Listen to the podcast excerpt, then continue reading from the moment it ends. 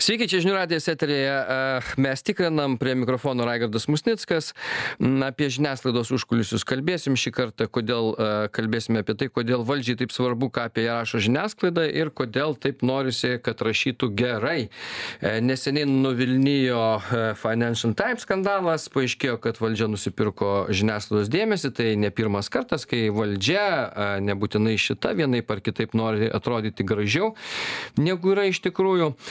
Kaž kažkada apskritai politikai mąstė apie tai kad e, galima būtų įpareigoti žiniasklaidą rašyti penkiasdešim procentų gerų naujienų. Gal tikrai mes per per mažai pastebime gerų valdžios darbų gal sėjame pesimizmą ir ir nusivylimą savo valstybe taigi apie tai ir pašnekėsime kokių čia e, norų turi valdžia iš kur tie norai ir ir ar mes e, žiniasklaida ir ir viešųjų ryšių prasme ar ar tai būt būtinai jau geros tos naujienos e, kažkaip tai labiau privers valdžią gerbti mus visus ir ir ir džiaugtis ja e, tai apie tai ir šiandien pas mus čia studijoje arijus katauskas viešųjų ryšių ekspertas. Sveikas arijau. Labas rytas. Ir laukiame taip pat atvykstant lrt tyrimų skyriaus žurnalistė indrė makaraitytė e, tai arijau štai taip atrodo. Nu gerai grįžkime dar prie financial times skandalo. Jisai ką iliustruoja apskritai na vėlgi skandalas turbūt yra didžiausias ne tame kad valstybė užsisakė tarkime straipsnių ciklą viename iš didžiausių turbūt pasaulio ir gerbiamiausių leidinių o tame kaip jinai buvo kaip ta ta kampanija visa kuria kuri buvo pada pa nu nukreipta absoliučiai į užsienio auditorijas buvo pristatyta lietuvoje. Ir na financial times tai yra gerbiama žiniasklaidos priemonė jinai turi priemones kurios yra reklaminės kurios yra skirtos galimiem komerciniam partneriam ar tai valstybėm pristatyti save pristatyti savo veiklą. Ir jeigu tai būtų tiktai taip padaryta turbūt mes diskutuotumėm ar ten per didelė ar per maža premjerės nuotrauka ar ten tikrai parinktos teisingai ypatingai temos ar ten ar tai tikrai atskleidžia lietuvos ten tuos privalumus ir taip toliau ir taip toliau bet tai nu tai yra reklaminė kampanija. Nu nėra nėra kito žodžio ir mes su ta reklama susiduriam vienokia ar kitokia forma nuolat. Tačiau skandalas o mes išvis čia turėjo jinai kažkaip paaiškinti valdžia sakykim ar ten investuok lietuvoje dėl kaip jinai ten užsieny pristatinėja lietuvą tiesą Tai- nu parašė ten reklaminis bukletas pavadinkim taip straipsnių rinkinys kažkoks tai išleistas. Čia čia daug diskusijų apskritai kyla apie apie tai e, kaip parašė nes ne ar nes ten žun sakoma mes neprašėm kad žurnalistai ten mes sakėm jie patys pasirinks temas visa kita. Nu bet nežinau ten aišku galima gi buvo rasti jeigu pats jau taip renkiesi kaip žurnalistas apie ką rašyt tai galima rasti kad ir infliacija didžiausia kad ir ir sakykim ir ten e, na daug kad ir eilės pas šeimos gydytojus ten sav mėnesį reikia laukt ko niekada nebuvo kad kad sakykim tie patys a mokytojai e, reiškia nėra mokytojų ir ir mokyklų direktoriai neranda e, mokytojų darbą ir taip toliau taip toliau. Nu galima rasti krūvą problemų jeigu tu rašai apie lietuvą. Tai vadinasi užsakymas yra gerai parašyt apie lietuvą. Na ir būtų įdomu iš tikrųjų pasižiūrėti detales ir kaip buvo kaip kaip vystomos na na kaip vystėsi visas projektas pats ir kaip tai atrodė.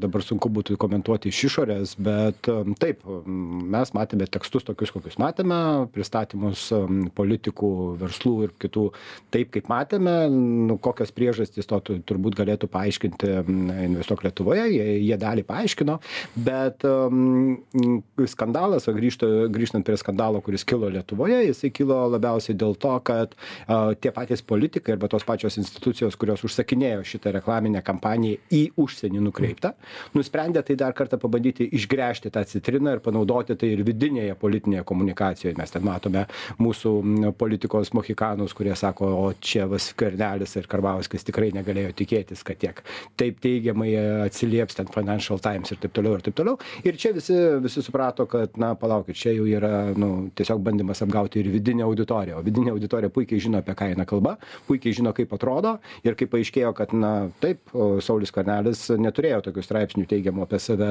financial times tiesiog dėl to kad jisai jų nepirko. Ir ir va čia va buvo skandalo esmė. Aš nematau problemos užsakinėti straipsnius pristatančius lietuvą. Viskas yra tvarkoj galima žiūrėti dėl turinio diskutuoti galbūt kritikuoti ir taip toliau. Bet kai kalbame apie apie vidinę komunikaciją arba pabandymą to išnaudoti vidinėje pusėje na tai yra tas pats kaip žinot yra toks pokštas feisbuke ane kai kai tu pats savo įrašą pradedi laikinti ane tai va taip atrodė mūsų politikai kurie staiga nusprendė pasigirti kad apie juos rašo financial times nors iš tikrųjų to daryti nereikėjo reikėjo atsistoti investuok lietuvoje ir pasakyti žiūrėkit mes užsakome kampaniją užsienio žiniasklaidoje nukreiptą į užsienį pristatyti lietuvą taškas taškas ir daugiau apie tai diskusijos neturėjom Taip sakant, papasakoti apie Lietuvą iš gerosios pusės. nu taip nu, mes pristatome tai kas pas mus yra Galėtų gerai ir tokia antraštė būti. Papa, mes norime jums papasakoti lie, apie Lietuvą iš gerosios pusės, nes blogosios čia nebus. O kodėl nebus? O todėl, kad, na, iš tikrųjų, ar nėra tam tikra apgaulė, tiesą sakant, kai tu vat, pristatai, sakykime, kad ir užsienio auditorijai e, Lietuvą iš gerosios pusės, ateina, nu, dėl ko investuok Lietuvoje daro? Kad žmonės investuotų, kad rinktųsi čia Lietuvą, statytų fabrikus. Ir staiga paskui, kai pradedi domėtis iš tikrųjų, kaip yra Lietuvoje, o yra ir tas ir anas, ir, ir infliacija, kaip jau minėjom, ir trūksta inžinierių, ir darbuotojų fabrikams, ir kas tik tai nori, tu pamatai, kad, na, buvo apgaulė, ar ne? na vėlgi tie tie patys užsienio investuotojai kurie turbūt susi susipažino su tais straipsniais puikiai žino kokioje rubrikoje tie straipsniai yra apie kai kad tai yra užsakomoji informacija kad tai yra reklaminė medžiaga vadinkim daiktus savo vardais kad ne nesvarbu kad tai yra ilgas tekstas ir na kritinis mąstymas bet kuriam žmogui kuris turi ten a sąskaitoje tiek kad galėtų atsidaryti fabriką čia jam tai yra informacija papildoma informacija bet tikrai ne ne nelemianti kažką tai aš manau. Ir mes ir patys turbūt į reklamą žiūrėdami ar vietinėj rinkoje ar užsienio rinkoje nemanom kad mus bando apgauti. Mes žinom kad tai yra reklama ir viskas na tai reikėtų vertinti kritiškai. Tai lygiai tas pats ir jiems. Vėlgi tačiau viduje viduje žmonės tikrai turėjo pagrindo jaustis apgauti na turbūt kvailoka būtų ten ryte ploti kad financial times rašo apie lietuvą ir labai gerai rašo o paskui po pu pusės dienos suprasti kad palauk palauk čia mes patys užsisakėm tai kad apie tai bus apie mus rašyta Indrė Makaraitytė, LRT e, tyrimų skyriaus žurnalistė, vadovė, e, prisijungė prie mūsų. Labas, Indrė. Labas rytas. Na, mes čia pradėjome, aišku, nuo Financial Times, bet šiandien e, LRT portale yra ir jūsų tyrimo skyriaus, ten tyrimas apie Matijošaitį. Kada gerai parašysit ką nors apie jį? Kodėl nerašot nieko gerai? Aš gal nenorėčiau čia Matijošaičio akcentuoti. Iš principo, bent jau šiandieninis tyrimas yra apie ES paramos skirtos smulkioms ir vidutinėms įmonėms įsisavinimo schemą. Ir aš įsivaizduoju, kad jeigu ta schema buvo taip atvirai vykdoma, ką mes sužinojome e, e, su Matijošaičio ir ne tik įmonėmis, tai manau, kad e, daug e, stambaus Lietuvos verslo tą schemą pasinaudojo. Dėl to, kad iš to, ką mums pavyko e, surinkti ir įrodyti, tai na, viskas buvo daroma atvirais, e, atvirai, aš rašiau atvirom kortom. Niekas nieko neslėpė, E, nacionalinė mokėjimo agentūra žinojo, kad tos e, e, sąsajų turinčių, e, turinčios įmonės smulkios ir vidutinės, e, jas steigė e, su Matijošaičio šeima ir verslu susiję asmenys. Vienaip ar kitaip ir po tų e, reikiamo laikotarpio tos įmonės buvo perimtos jau teisiniu būdu po e, Vičiūnų grupės e, stogų. Tai tiesiog ta tokia, na, tu, jis tavo, tavo kažkokie tai pažįstami draugai įsteigė smulkę vidutinę įmonę, kurie atitinka kriterijus europinės paramos ir tiesiog tu paskui viską formalizuoji, kad ta parama, na, žodžiu, ta, ta įmonė patektų. ne? Nu, tai, yra, tai, yra, tai yra schema, taip, tai yra nelegali paramos įsisavinimo schema. Ir e, na, aš nežinau, šiaip e, kiekvieną kartą, kai kokį nors tyrimą paleidžiam tokio pobūdžio, tai e, pilna būna klausimų, tai kur ta teisės sauga ir iš tikrųjų ta, va, tai kur ta teisės sauga. E, Nes bankai taip pat žinojo ir bankams buvo, bankams buvo aktualu e, finansuoti, prasme, paskolas dalinti, jie na, nekreipia dėmesio turbūt į tą teisėtumą, bet niekas ir nepranešė teisės saugai, o teisės sauga, manau, kad irgi turėjo signalą greičiausiai, kad na, reikia čia greičiau įsisavinti viską, e, nes na, vis tiek ne Lietuvos pinigai, europiniai pinigai. Koks skirtumas kaip, bet įsisavinam ir čia nelys nekiškime. Yra kas, kas gudresnė įsisavinti, bet, kas kai, geriau. bet būtent ir kai mes klausiam dabar, iš kur čia ta gale visa ir Matijo Šaičio, sakykime, na, iš kur tas kapitalas ir kaip jie čia taip sugebėjo prasisukti, kaip čia, na, tai Matijo Šaitis atėjo į politiką, jau turėdamas stiprų užnugarį finansinį, jisai galėjo iš tų pinigų finansuoti savo politinę kampaniją labai lengvai. E, tai kiti taip pat, nu, taip pat gavę pinigų, jie turėjo, turi raumenis užsiauginę, tik tai į politiką neina tiesiogiai, galbūt jie kažkaip kitaip dalyvauja to politi toje politikoje arba neturi tokios ambicijos. Tai va, kai mes klausiam, iš kur tas nebaudžiamumas ir tas politinės korupcijos, na, akivaizdus toks egzistavimas, ką mes matom ir net vat, galėtų lengvai surinkti faktus, nu, tai va, štai iš kur. Nes nu, politinės korupcijos nėra be pinigų. Kaip Indrė galvoja, ar toks vat, jūsų tyrimas, kaip Financial Times, jeigu būtų paskelbtas, kaip jisai paveiktų? Man Financial Times istorija iš tikrųjų tai yra e, tokia klaikuma, jeigu taip galima sakyti, tai kad e, ta šviesioji visuomenės dalis, tas burbulas, ne, kur mes čia kalbam, kur e, absoliučiai neturi jokio suvokimo, kas yra žiniasklaida ir kas yra zakazuha, mm. kaip mes sakom.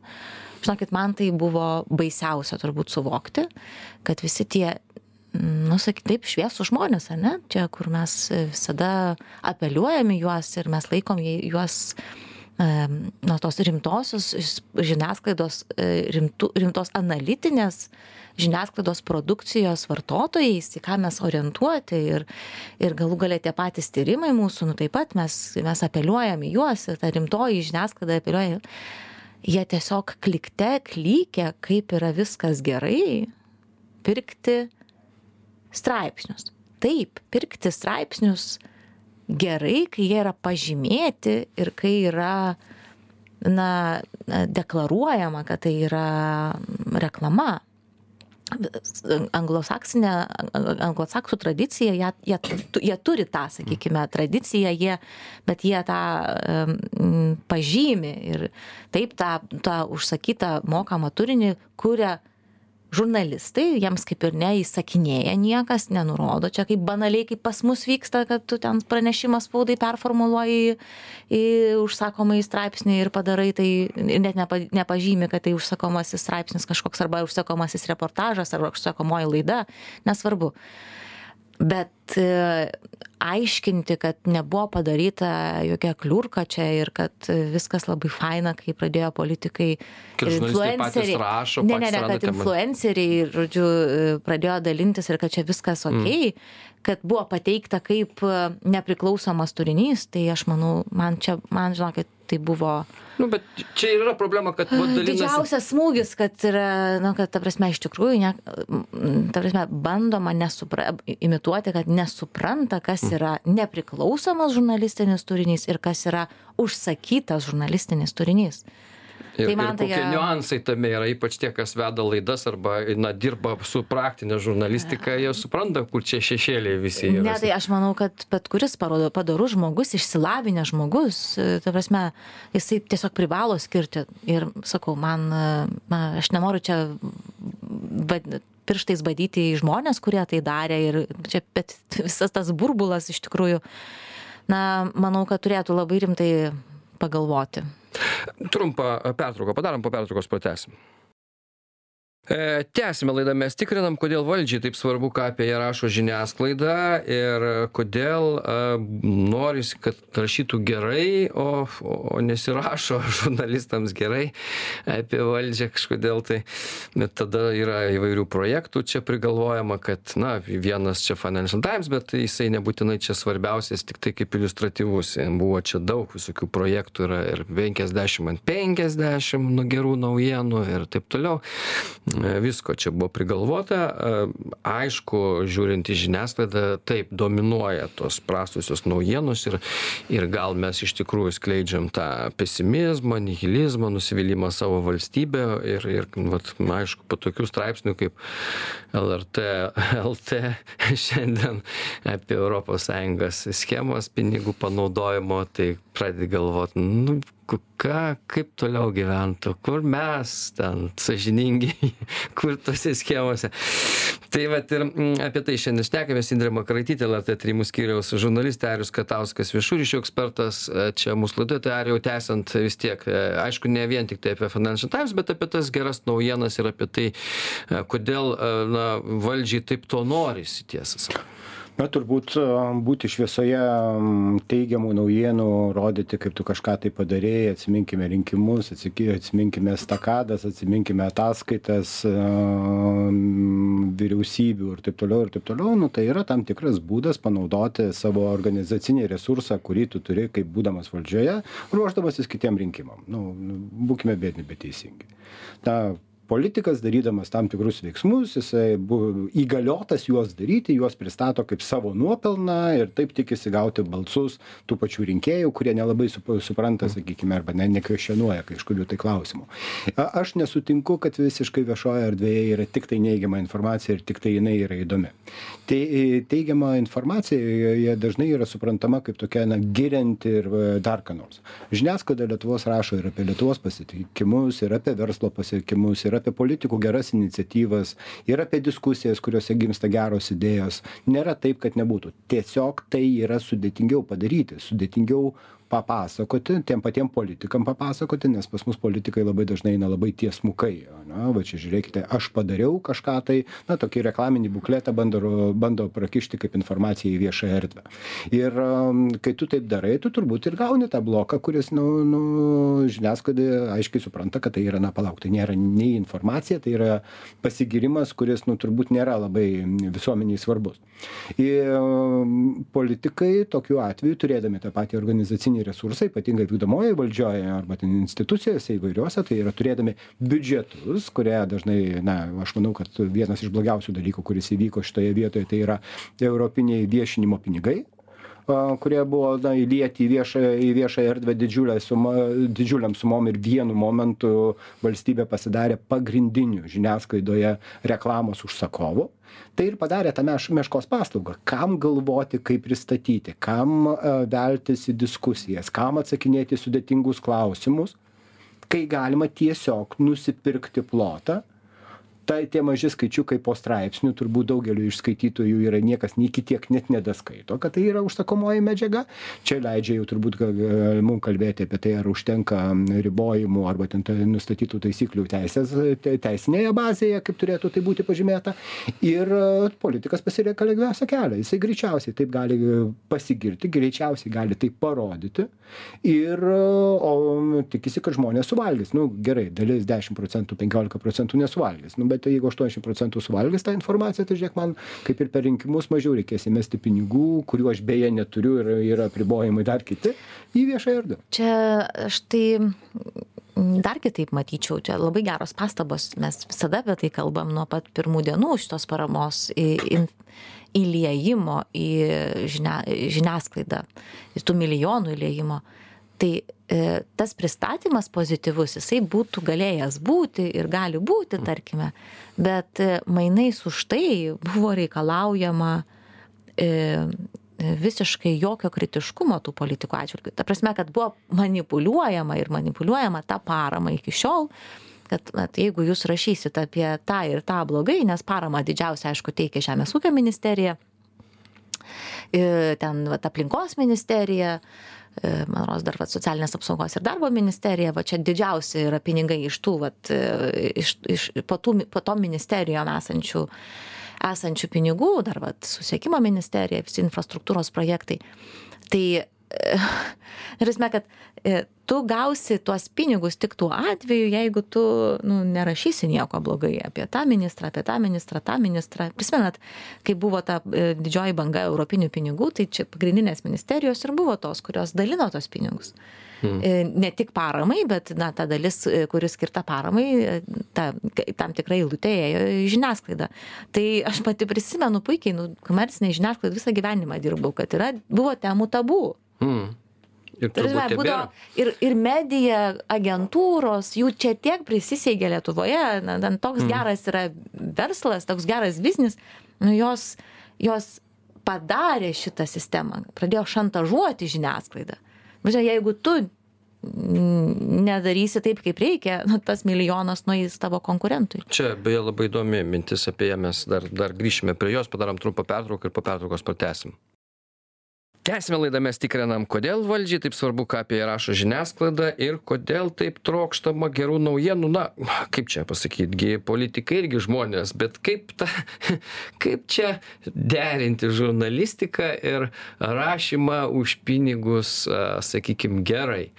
Ir ir na sakykim netgi financial times skandalas jisai tam tikra prasme vat kelia labai daug klausimų ar įmanoma nepaminant savo žurnalistinių principų, etikos, nežinau, profesionalumo ir visa kita, e, už, pavyzdžiui, parašyti straipsnį, kad ir į reklamos skyrių, žinant tai, nes čiagi įvairių niuansų buvo, e, žurnalistai, kurie rašė, net nežinojo, kurie rašo, turbūt taip ir. Taip, bet Raigardai, čia ir yra esmė. Pavyzdžiui, aš žinau du žmonės, kurie gražino Financial Times pinigus Mm. Ir vienas atsiemė savo nuotraukas iš Financial Times, o kitas e, gražino pinigus už tai ir nenorėjo, ne, neėmė pinigų už straipsnį, kurį jisai parašė, todėl kad jo neinformavo, kad tai yra mokamas turinys. Apgavo irgi. Ir, mat, aš nežinau, koksai buvo susitarimas ir kokiais pagrindais jie dirbo, aš nežinau, ar, ar apgavo ar neapgavo, kaip tenai atsitiko, bet jisai to nežinojo, jo neinformavo, kad tai yra reklaminis turinys tai na žmogus pasielgė sąžiningai jisai tiesiog atidavė ne neėmė pinigų kitas žmogus nenorėjo kad jo fotografijos būtų mokamame turinyje. Ir jis mhm. atsiėmė ir paprašė kad išimtų jo fotografijas. Manau kad tai yra taip pat financial times na nežinau kaip jie tai įvertino gal kaip kažkokią irgi krizę vidinę etinę bet tai yra taip tai yra etikos pažeidimas visoje na iš žurnalistinės pusės tai taip Nes viena vertus yra tai, kaip tavęs paprašo toks leidinys kaip Financial Times, kad parašyk va tokį straipsniuką, nu tokia ir to, tokia tema, nu, tai pagalvoji, nu, visai gal ir nieko ta tema, gal aš ir galiu kažką, gal aš ir turiu minčių parašyti. Jeigu tai apie alų ir apie krepšinį. Tai nu, nesvarbu, nu, žurnalistas, jisai yra, žino tam tikrus principus, kokiais mm. principais jisai rašo. Jisai rašo uh, Nu, tai...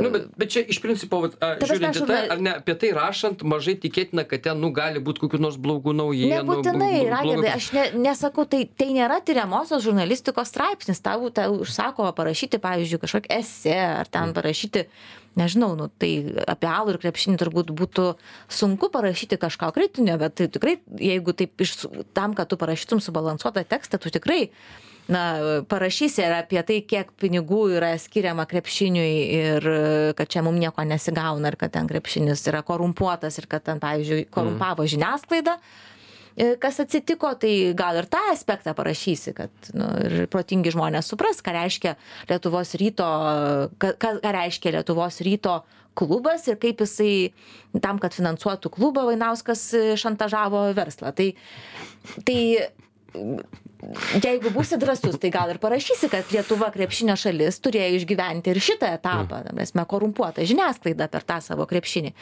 Ar tenai alus pavyzdžiui nu kokį nors vp marketo konfliktas su švyturiu pavyzdžiui. Tai to tokį irgi mes istorinį elementą turėjom. Tai čia gera minti įdomūs dalykai ką ką indrė pasakoja pati bet aš galvoju ar tada neatsiimtų tie kas finansavo už tokius straipsnius pinigus bet čia ne žurnalisto reikalas.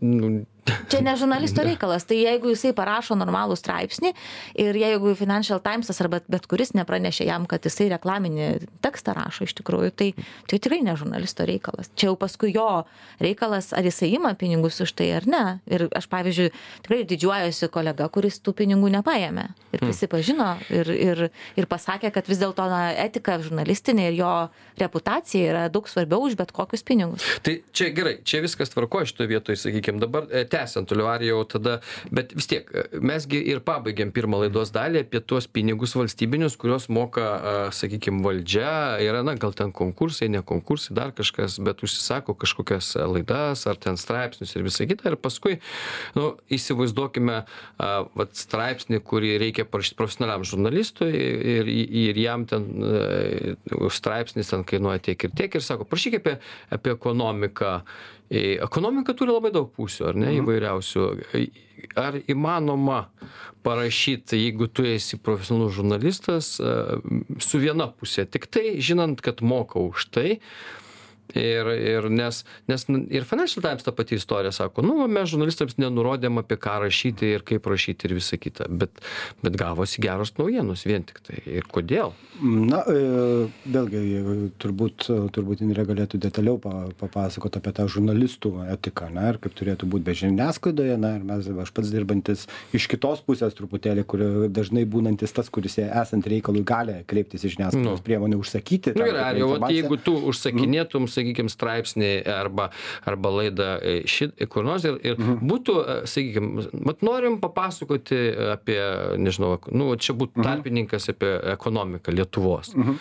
ir sakytų gerai mes prašysim taip kaip yra su visais niuansais, e, e, o, o tu ten moki 50 tūkstančių eurų. Na, Ka, kaip tavo reakcija? Papra, paprastai turbūt yra derinamos temos, aš netikiu, kad nebuvo derintos temos. Iš tikrųjų, mm. nu, aš manau, kad buvo tam tikras sąrašas temų tikrai turėjo būti, nes paleisti Financial Times rašykite bet ką apie Lietuvą, nu jie tikrai turėjo ką parašyti ir daugiau ir, ir aš manau, kad šitoje vietoje, na, man yra klaustukų, bet, bet nu, vėlgi, jeigu e, žiūrint į tokią na patirtį ir panašiai nu tie žurnalistai kurie dirba ar ten e, e, tyrimuose ar nu paprastai tų užsakomųjų straipsnių žurnalistai kurie yra garsūs žinomi dėl savo žurnalistinių darbų jie niekados nedaro jų. Nu ta prasme tai ir niekados nebūna kalba apie tai kad ten vat pavyzdžiui aš neįsivaizduoju būdo kaip nueiti į į pas indrę makaraitytę ir sakyti tu dabar nedaryk tyrimo bet parašyk teigiamą straipsnį apie tai. Ir lietuvoje mes turime tų pačių žiniasklaidos priemonių nereikia sakyti taip nu tu tu yra žiniasklaidos priemonių kad tu gali užsisakinėti kiek tu nori tų informacinių pranešimų ar panašių dalykų bet jeigu kažkas įvyks su tavo bendrove arba su tavo organizacija jie tikrai širai be jokių kalbų tai ir parodys tau ir panašiai ir panašiai. Ir dažniausiai užsakomųjų straipsnių tikslas yra visai kitas. Jisai nėra tas kad apie tave teigiamai rašytų. Čia aš kalbu labiau iš verslo pusės kur yra tam tikras nesutapimas su politikų požiūriu. I verslas imasi užsakomųjų straipsnių tarkime ar tai būtų ciklas ar tai būtų vienas du straipsniai nesvarbu sie suprasdamas kad ta informacija kuri yra jinai nėra įdomi visuomenei per žurnalisto prizmę nu tai nėra naujiena bet yra tam tikras poreikis apie tai pasakyti na tarkime ar tai, tai yra reklama tam taip, tikra tai, prasme. Tai yra reklama. Nu, reklama. Jeigu yra nuolaida e, prekybos centre, tai turbūt žiniasklaida apie tai nerašys, tu užsakinėjai reklaminį, reklaminį plotą, kur tu įdedi. Tai gali būti tekstas, tai gali mm. būti vizualas ir taip toliau ir taip toliau, bet tu nekeli niekada reikalavimų tokių kad na tu jūs dabar tada jau neberašykite apie mus blogai tiktai. Bet ar jau yra ir kitų E, pavyzdžiui, niuansų ir, nu, kaip, e, vat atsakyk tu man kaip e, to, to, to kitos tos pusės žmogus, kuris užsako, mm. užsakomuosius užsako, ar ne? Mm. Kam reikia nežymėti reklamos arba užsakomųjų straipsnių? Todėl, kad lietuvoje tai yra jau iš karto na minuso ženklas kai yra užsakymas mhm. užs ar ten kažkas tada ieško visokiausių būdų pr raidelės mhm. nu kad tipo nieks nesupranta ką tai reiškia mes tai suprantam bet bet bet na žmogus nelabai supranta ką tai reiškia todėl kad yra iškart neigiama reakcija nes na kai užsakai tai vadinasi tu kažką tai nori įpiršti paneigti pasakyti kitaip ir todėl yra dabar daroma dar kitaip ta prasme uh, užsako, re... visą laiką tai buvo daroma iš tikrųjų, užsako reklamą, bet šalia reklamos yra toksai bonusas, o padarykite dabar gražų straipsniuką apie mus. Be, mhm. be mhm. ne, nu čia kaip ir ne užase, ne, nu čia bonusas, nu tu nuperki reklamą, tu jau kaip ir pasi deklaravai tą savo indėlį, ne, į ten kokį nors tenai laikraštį tuomet ar, ar, ar, ar dabar portalą ar panašiai. Arba mes jums duosim e, va tokį projekčiuką, nu, bet jūs tada mums kažką tokio teigiamo. Aš pavyzdžiui, po mhm. mūsų tų tyrimų apie Ignitį, e, kur vėlgi visa krūva, visa krūva tų pačių influencerių kažkaip pradėjo rėkti. E, na, kažkaip atsirado žiniasklaidos priemonėse, kažkaip vis daugiau tokios informacijos apie, apie Ignitį, ten interviu daromi apie Ignitį su, tas, su tam tikrai žmonėmis, paaiškinant, žodžiu, kokie jie visi yra geri ir labai teisingai viską darė. Tai aš dabar, e, pavyzdžiui, keliu tokį klausimą, ar tai buvo, mm, e, na, nebe piniginio indėlio iš igničio grupės tam kad na savo įvaizdį keltų tai čia atsakymas yra piniginio nes kai toks tokia medžiaga išeina nes šiaip ignitis mažai kada ką nors aiškindavo E, gyvenime tai tada jau bent jau kalbėt yra pradėjo. absoliučiai neįdomus e, eiliniam vartotojui, ta prasme, jie yra nepaskaitomi. Tai yra iš tos ryties, kur paprastai žurnalistas niekada neįs e, tokių klausimų kelti, nes tai nėra informacija, kur yra tokia, na, žinot, e, nu, Igničio reikia klausti apie kainas elektros, bet dabar šita tema yra svarbiausia. Bet žiūrėkit, Indrė, vis tiek, vat kaip klausimas pagrindinis yra, nu, ne, ne čia pagrindinis, nei ką, bet vienas iš, iš svarbių. Žiniasklaidai iš tikrųjų išgyventi nėra taip paprasta Lietuvoje dėl rinkos, dėl kitų dalykų ir, ir vis tiek privalo kažką rašyti, užsakomo, neužsakomo ir taip toliau. Ir, ir kiek vat yra pavojaus žurnalistikai ir redakciniai politikai, kokiai nors, sakykime, kai, pavyzdžiui, viena ar kita kontora sako, nu, vat mes užsakysim pas jūs straipsnių a, metams penkiem metam ir taip toliau, jeigu tai ypač kokia ministerija. E, Kiek paskui iš viso e, žiniasklaidos priemonė gali būti objektyvi, e, spręsdama klausimus. Jo, čia, čia vėlgi, aš truputėlį atsimenant tuos užsakomuosius e, straipsnius, aš pui- puikiai atsimenu, dirbdamas su tarptautiniam organizacijom, kai mes kovojame regionuose su kai kuriuom žiniasklaidos priemonėm, kad jos dėtų būtent užsakymo numerį, todėl kad jeigu jie įdeda užsakymo numerį, ten kažkokie įsijungia kiti mechanizmai dėl, dėl šitą, dėl turinio žymėjimo ir taip toliau ir taip toliau, nes jie paprastai to tokio dalyko da, nedaro ir jie sakosi, kad tai nedaro. Tai čia yra tas užsakomųjų straipsnių, jų žymėjimų, reklamos žymėjimų ir panašių dalykų, tai yra dvipusis eismas. Tikrai ne tik redakcija yra atsakinga už tai, tai atsakingas ir tas pats verslas ar organizacija, kurie ateina ir pa, um, nusprendžia, na, ku- sakykime, kaip jie veiks. Lietuvoje aš manau, kad mes turėjom baisesnių laikų, kada nebuvo iš viso užsakomųjų numerių ir tu nežinojai, ką tu skaitai viešoje erdvėje absoliučiai. Mhm. Ar tai tikra ar netikra. Ir visą laiką yra noras, um, e, tarkime, įkilus skandalui kažkokiu, kažkokiam tai verslui žiniasklaidos priemonėje paaiškinti savo poziciją ir parodyti. Ir aš manau, kad tai yra vi- viešųjų ryšių prasme, tai yra teisingesnis žingsnis, negu nusipirkti visiškai ne į temą straipsnį. Bet, bet kuriuo atveju tam tikrų neatskirimų, ne, kur yra užsakomoji, kur yra reklaminė medžiaga ir kuri, kai jinai yra sumaišoma, pakišama po žinia, žurnalisto darbo ale, rezultatu, man tai yra pavojus e, ir pavojus ne dėl to, aš negaliu kalbėti už redakcijas, aš galiu kalbėti apie verslą, ku- kuris su, tuo susiduria, tai yra nesažiningos konkurencijos žingsnis. Kai tavo konkurentas kažkokiu tai būdu transliuoja apie save teigiamas žinutės kažkokiame tai kanale ir aiškiai nenurodo, kad tai yra reklama, tai yra sudaromos tau kitokios konkurencinės sąlygos su tuo pačiu kovoti. Aš tai dar tik pridursiu, kad iš tikrųjų, na, skaitytojai ir vartotojai žiniasklaidos šiuo metu yra na, tokioj privilegijuotoj padėtyje, nes komercinė žiniasklaidai niekas nemoka už turinį. Na, prasme, laikraščius tai mes pirkdavom, prenumeruodavom. E, Na, LRT, taip, jinai yra e, nacionalinis transliuotojas, bet, pavyzdžiui, komercinė žiniasklaida, na, dabar ten daug uždaro to turinio tam, kad žmonės pratintųsi, kad turinys kainuoja, gerbėmieji, nu, tam, kad tu išlaikytum nepriklausomus, gerus, profesionalius žurnalistus, jiems reikia mokėti algą, kad jie išgyventų ir, nu, normalią algą. Tai žmonės dirbantis, para, na, dirbti žurnalisto darbą, nu, nėra taip jau ir paprasta šiaip e, šitame gyvenime. Mes tą puikiai visą, ar laiką, ne visą laiką vien tik tai geros Taip, emocijos, ar bet ne? e, Iš darbo. dažniausiai nelabai geros emocijos, bet, na, aš ne, visi sunkiai dirbam ir, ir gydytojai sunkiai dirba, Taip. ir visi sunkiai dirbam, bet už darbą turi būti mokama. Ir dabar, e, ta prasme, komerciniai žiniasklaidai išsilaikyti te lieka tik tai iš reklamos.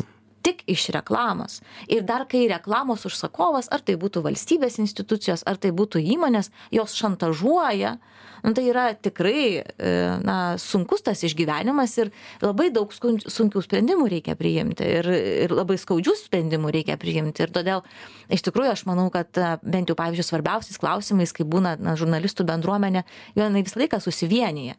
Na bet ir pavyzdžiui šitas financial times e, skandalas aš manau kad mes pavyzdžiui žurnalistai ir liko jie ištikimi tai vat savo etikai. Jie iškėlė šitą klausimą kad negali būti neatskirta zakazuchinė žurnalistika ir žurnalistika.